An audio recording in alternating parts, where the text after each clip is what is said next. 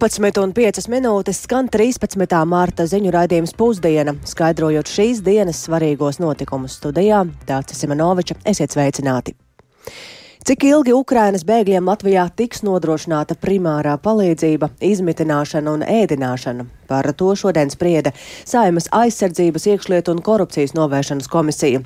Pat labam tas ir noteikts līdz 1. jūlijam, un pagaidām deputāti vēl neatbalstīja priekšlikumu šo palīdzības sniegšanas termiņu pagarināt līdz gada beigām, un par to plāno lemt vēlāk, pavasarī, ar atsevišķiem likuma grozījumiem.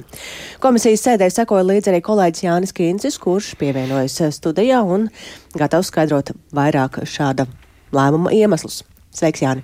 Sveika, Dārts! Sveicināti klausītāji! Jā, uh, Ukrainas civiliedzīvotāju atbalsta likums noteica, ka atbalsts 120 dienu izmitināšanai un 30 dienu ēdināšanai Ukrainas bēgļiem ir paredzēts līdz šā gada jūlijam.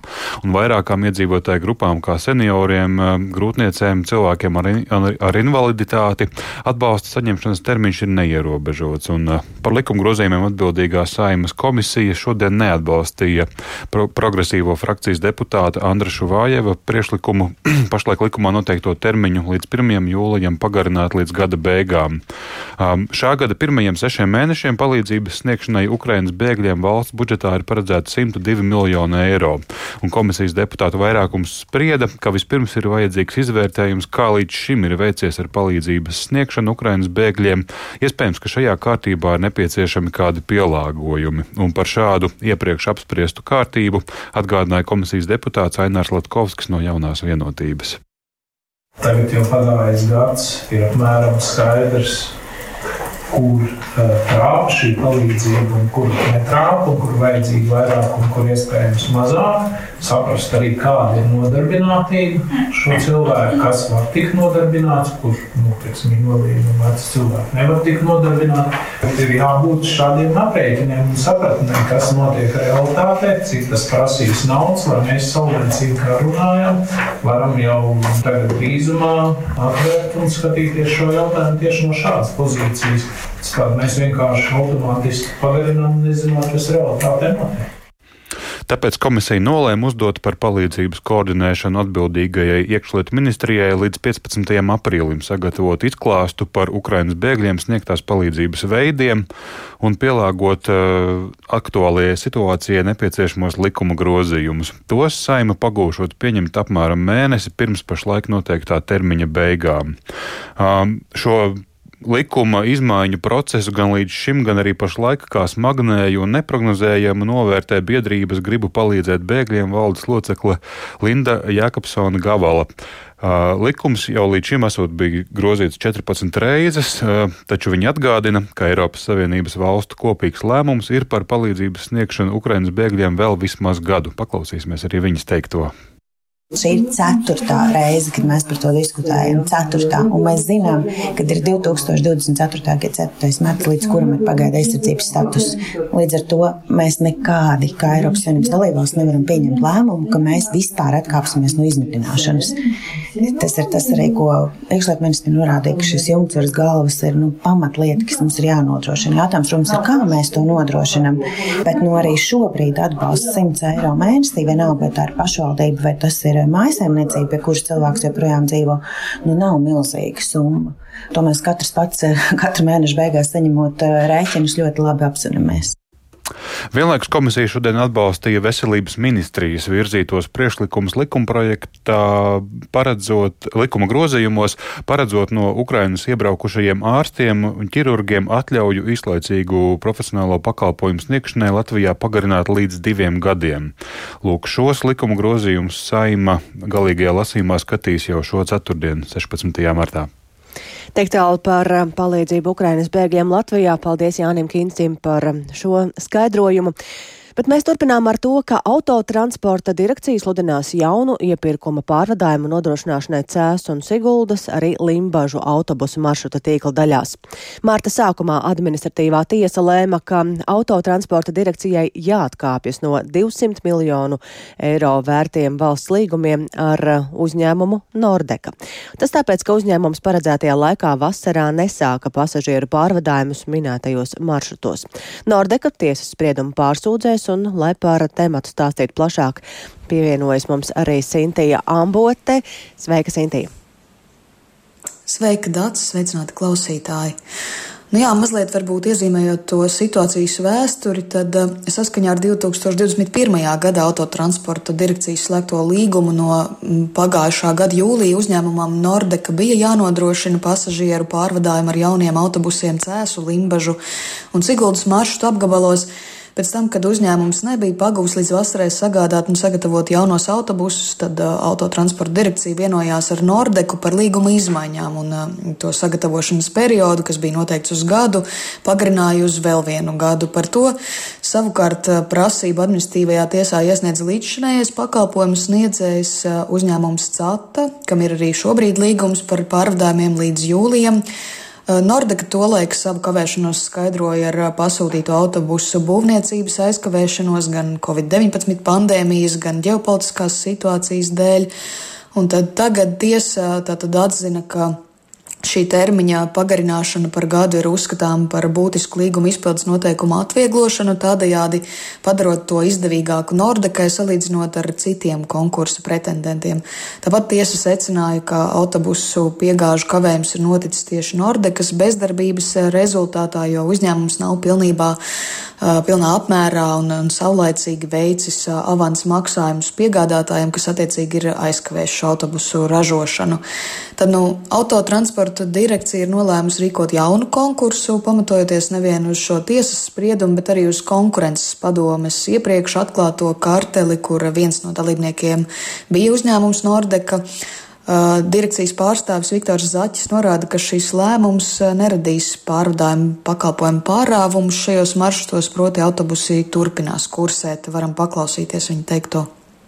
Autotransporta direkcija ir iepazinusies to lēmumu, protams, un jāatzīst, ka ne visam šīm lēmuma sadaļām mēs piekrītam, bet tajā pašā laikā mēs nepārsūdzēsim šo lēmumu. Šobrīd ir līdzinājais terminētais līgums, tā kā ja kaut kāda tur nobīdzi termiņu pagarināšanas būs vajadzīgs, nav izslēgts, ka arī šajā vietā tur papildus mazais konkurss jāatcerīko, bet tas viss lielā mērā atkarīgs būs no tā, kā mums ir šī lielā iepirkuma procedūra. Sagatavošanās laiks tevām kārtām ir, lai izstrādātu šo iepirkuma procedūru, lai viņu saskaņotu un izstrādātu. Šobrīd vēl par termiņiem mēs konkrēti nerunāsim, bet mēs esam pateikuši savu pozīciju un savu nu, darbības virzienu, kādā mēs ejam.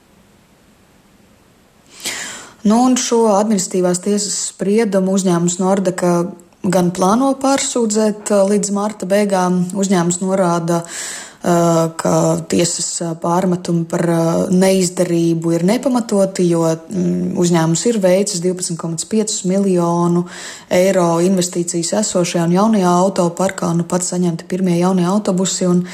Uzņēmuma valdes priekšsēdētājs eh, Genrichs Peršteins uzskata, ka ar šādu tiesas spriedumu veidojas uh, absurda situācija, ka jauni autobusi, kas pielāgot visām vajadzībām, būs dīkstāvē, kamēr tiesa turpinās spriest, vai uzņēmums varēja vai nevarēja paredzēt uh, minētos piegāžu ķēžu uh, apstākļus.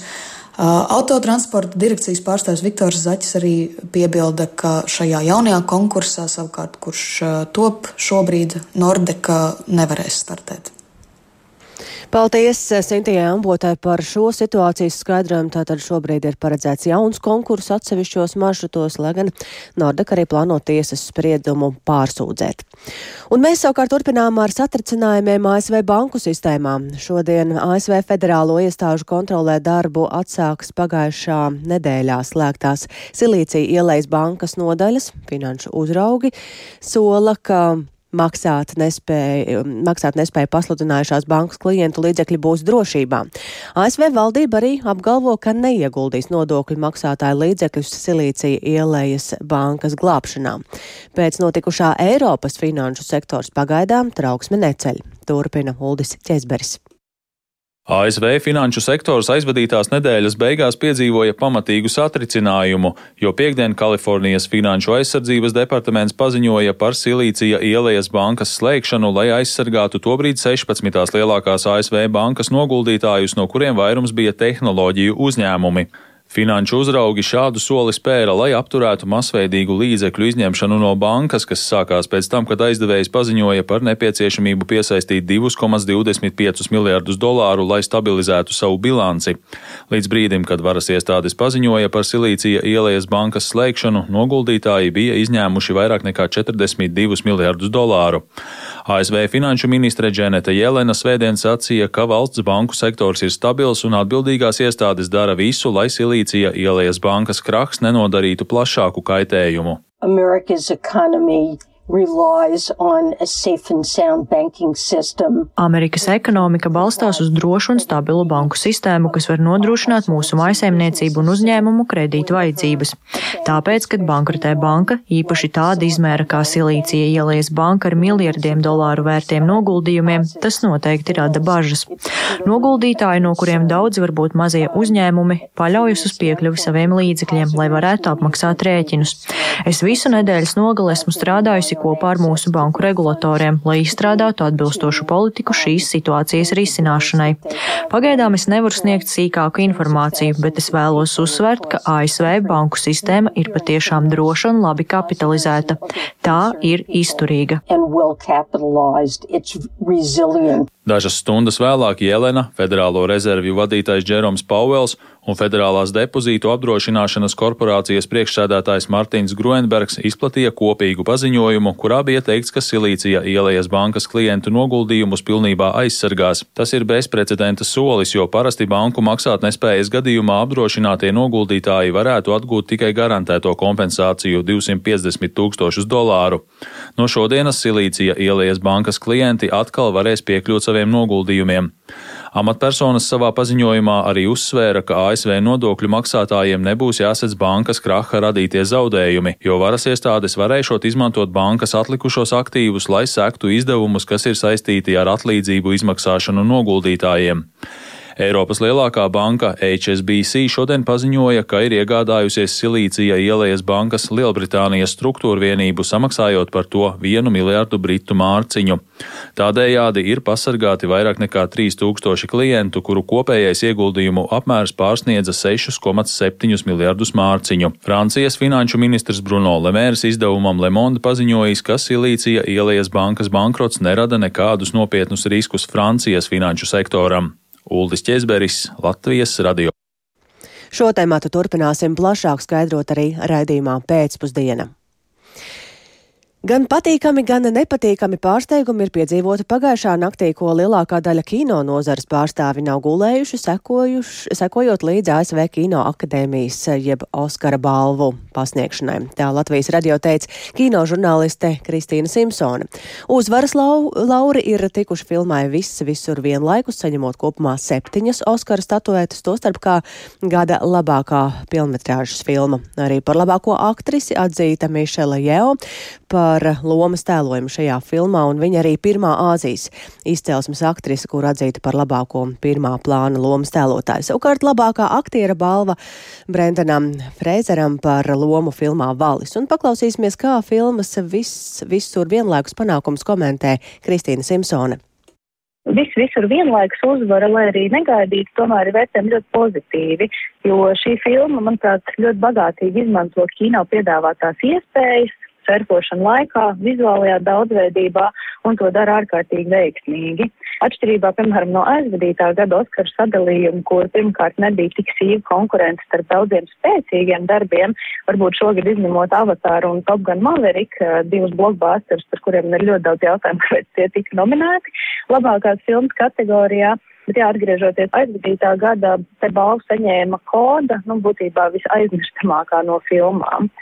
Jāsaka, viss visur vienlaikus bija šā gada Oskaru melnais zirdziņš, un tā ir zinātniskās fantastikas komēdija par pusmūžu sievieti, ķīniešu izcelsmes imigranti, kuras nodokļu problēmām piepulcējas tādu visam neordināru un negaidītu citu problēmu. Viņi tiek ierauti dažādās paralēlajās pasaulēs, jeb multiversā. Ko ar šo visu balvu sadalījumu darīt, kā to interpretēt? Te ir jāpiekrīt žurnālista Maikls Šulmana publikācijai New Yorker minētajam, ka Holivuda ar šo balvu sadalījumu mēģina noķert šā brīža kino laikmeta garu, jeb zeitgaistu. Un, nu, patīk mums tas vai nē, bet Oskari turpina ar vien ar lielāku jaudu atzīmēt dažādību, citādību kino, jūtam mazāk vietas atstājot pašrefleksijai par nozari, tās vēsturi un klasiskajai stāstniecībai. Protams, jāsaprot arī, ka ASV Kino akadēmijas balvu pasniegšana ir ļoti komplicēts process. Filmu pārstāvjiem, proti studijām, producentiem ir jācīnās par akadēmijas balsotāju uzmanību, un bieži vien šis uzmanības piesaistīšanai nepieciešams ļoti liels resurs, rīkojot seansus, publicitātes pasākums un bez mitas parādoties arī nozars mēdījos. Līdz ar to Oskar iznākums, ja balvas sadalījums atšķirs no tā, kā, piemēram, balvas pasniedz kinofestivālos, kur labākos darbus izraugās žūrija tikai un vienīgi pēc to kvalitātes kritērijiem un aktualitātes, protams. Noslēgumā tomēr pateikšu arī par nepatīkamo pārsteigumu. Mm, man personīgi tas ir dokumentālā kino kategorijas balva. To saņēma Daniela Rohera filma Navaļnīs par ieslodzījumu esošo Krievijas opozīcijas līderi Aleksai Navaļnī. Tātad arī gana kontroversiālu politisku figūru. Un šī, jāsaka, ir ļoti konvencionāla dokumentālā filma, kas nenoliedzami balvu saņēma politisku motīvu dēļ, atstājot tādu paradoxālu situāciju, krietni vien kvalitatīvāks darbs māju no šķembām, kas nesen tika rādīts arī Rīgā Ardok festivāla ietvaros. Tas ir stāsts par bērnu namienītniekiem Ukrainas austrumos. Šī filma palika bešā. Nu, izskatās, ka ASV Kino akadēmija vēlas būt ļoti cēla politiski, taču tai īsti pietrūkst izpratnes, kā jo, piemēram, Ukrainas prezidentam Volodimiram Zelenskim jau otro gadu tika atteikta iespēja tiešraidē uzrunāt Oskaru ceremonijas skatītājus. Tāds lūk kino žurnālistis Kristīnas Simpsonas komentārs par sadalītajām Oskara balvām.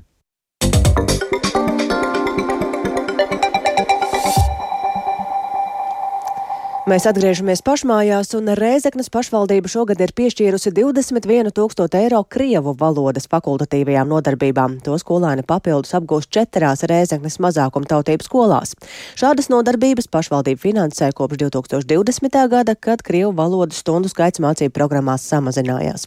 Opozīcijas deputāti šādu iniciatīvu nosauda, uzsverot, ka jāstiprina tieši latviešu valodas zināšanas. Vairāk Lauras Ieviņas ierakstām.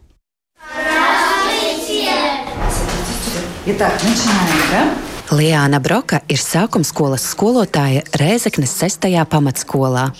Viņa sasveicinās ar pirmās A klases skolēniem un sāka krievu valodas un literatūras fakultatīva nodarbību. Вчера мы с вами говорили на уроке про предложение. Rēzeknes pilsētas pašvaldība piešķir finansējumu papildus Krievu valodas un literatūras nodarbībām mazākumu tautību skolām kopš 2020. gada. Četrās skolās tās ir kopumā 80 stundas nedēļā. Skolotāja Liāna Broka stāsta, ka papildus trīs krievu valodas stundām mācību programmas ietvaros visi bērni apmeklē arī divas fakultatīvās nodarbības. Un mēs turpinām attīstīt valodu, lasām, ļoti daudz runājam. Mēs mācāmies rakstīt. Šobrīd mazākumtautību skolās no 1. līdz 6. klasē aptuveni 50% mācību stundu notiek latviešu valodā. Pirmajā klasē bērniem nākas ļoti daudz tulkot.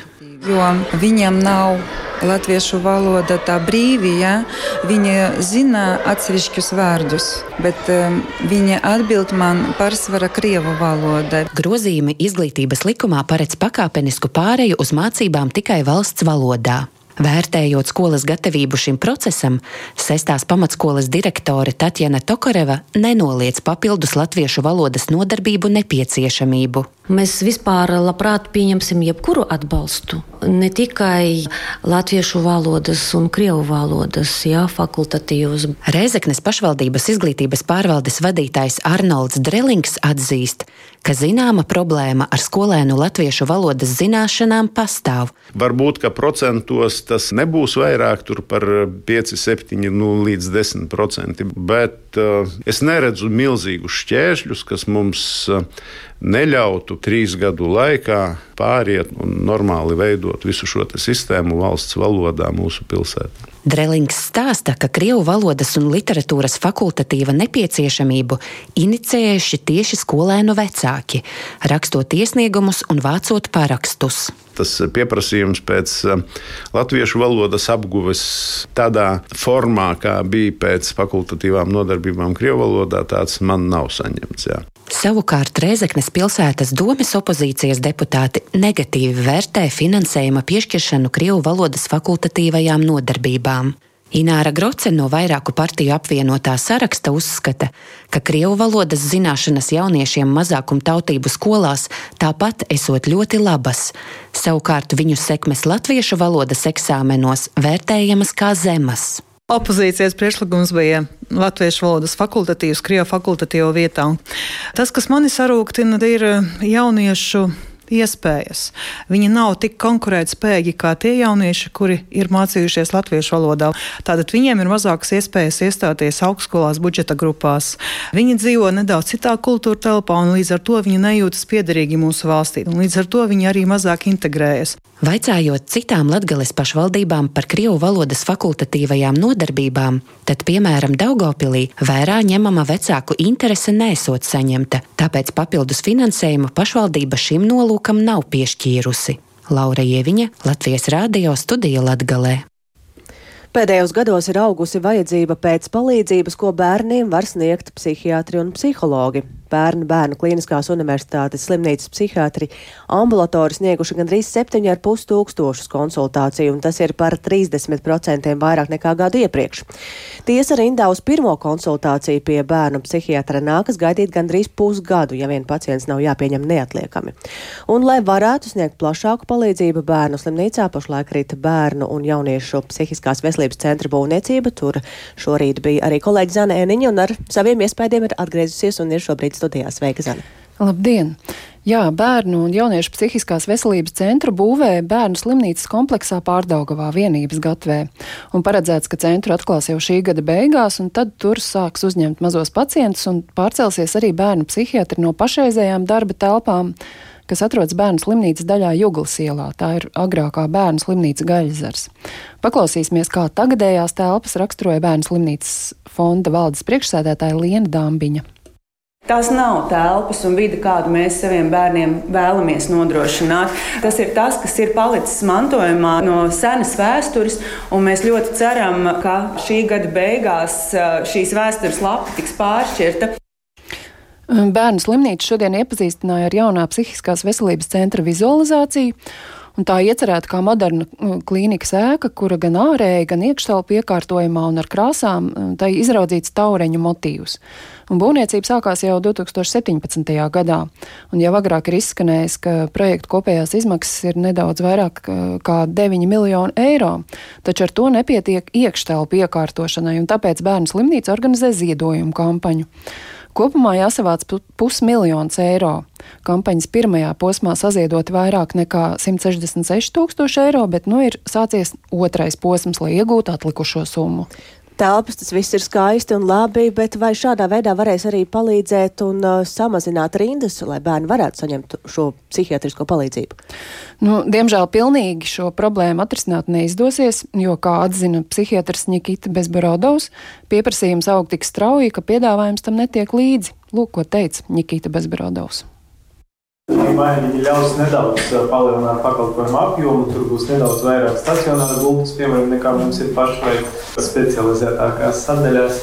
Tā ir skaitā arī ambulatoriju pakalpojumu, bet nu, tas, kas ir skaidrs, skaidrs ka nu, tāpat kā piemēram iepriekšējā gadā mēs esam mūsu esošajās telpās par 30% palielinājuši bērnu psihiatru konsultāciju skaitu. Tas nav ietekmējis rindas garumu, jo pieprasījums aug straujāk nekā mēs spējam likt klāt. Nu, bērnu psihiatrs arī uzsvēra, ka attīstībai jāturpinās arī pēc jaunā centra atvēršanas. Bērnu slimnīcā tur tiktu sniegta visaugstākā līmeņa psihiatriskā palīdzība, taču liela problēma ir bērnu psihiatrijas pakalpojumu pieejamība reģionos, jo esot skaidrs, ka daudzos turpmākajos gados šī medicīnas nozara savu aktualitāti nezaudēs. Psihiatriskā palīdzība bērniem būs vajadzīga aizvien biežāk, ne tikai, piemēram, pusauģiem, kur vidū arvien izplatītāk kļūst teiksim, ēšanas traucējumi, bet arī pavisam maziem bērniem, lai ļoti agrīni pamanītu un ārstētu kādus uh, psihiskās veselības traucējumus. Paldies tev par šo skaidrojumu, un izskatās, ka šai problēmai tiešām vēl būs jāvelta gana daudz uzmanības. Un ar to arī izskan raidījums pusdiena, ko veidoja Ilze Agīnta, Uldis Grīnbergs par labskaņu rūpējā sieviete zvejniece un studijā Dācis Semenovičs.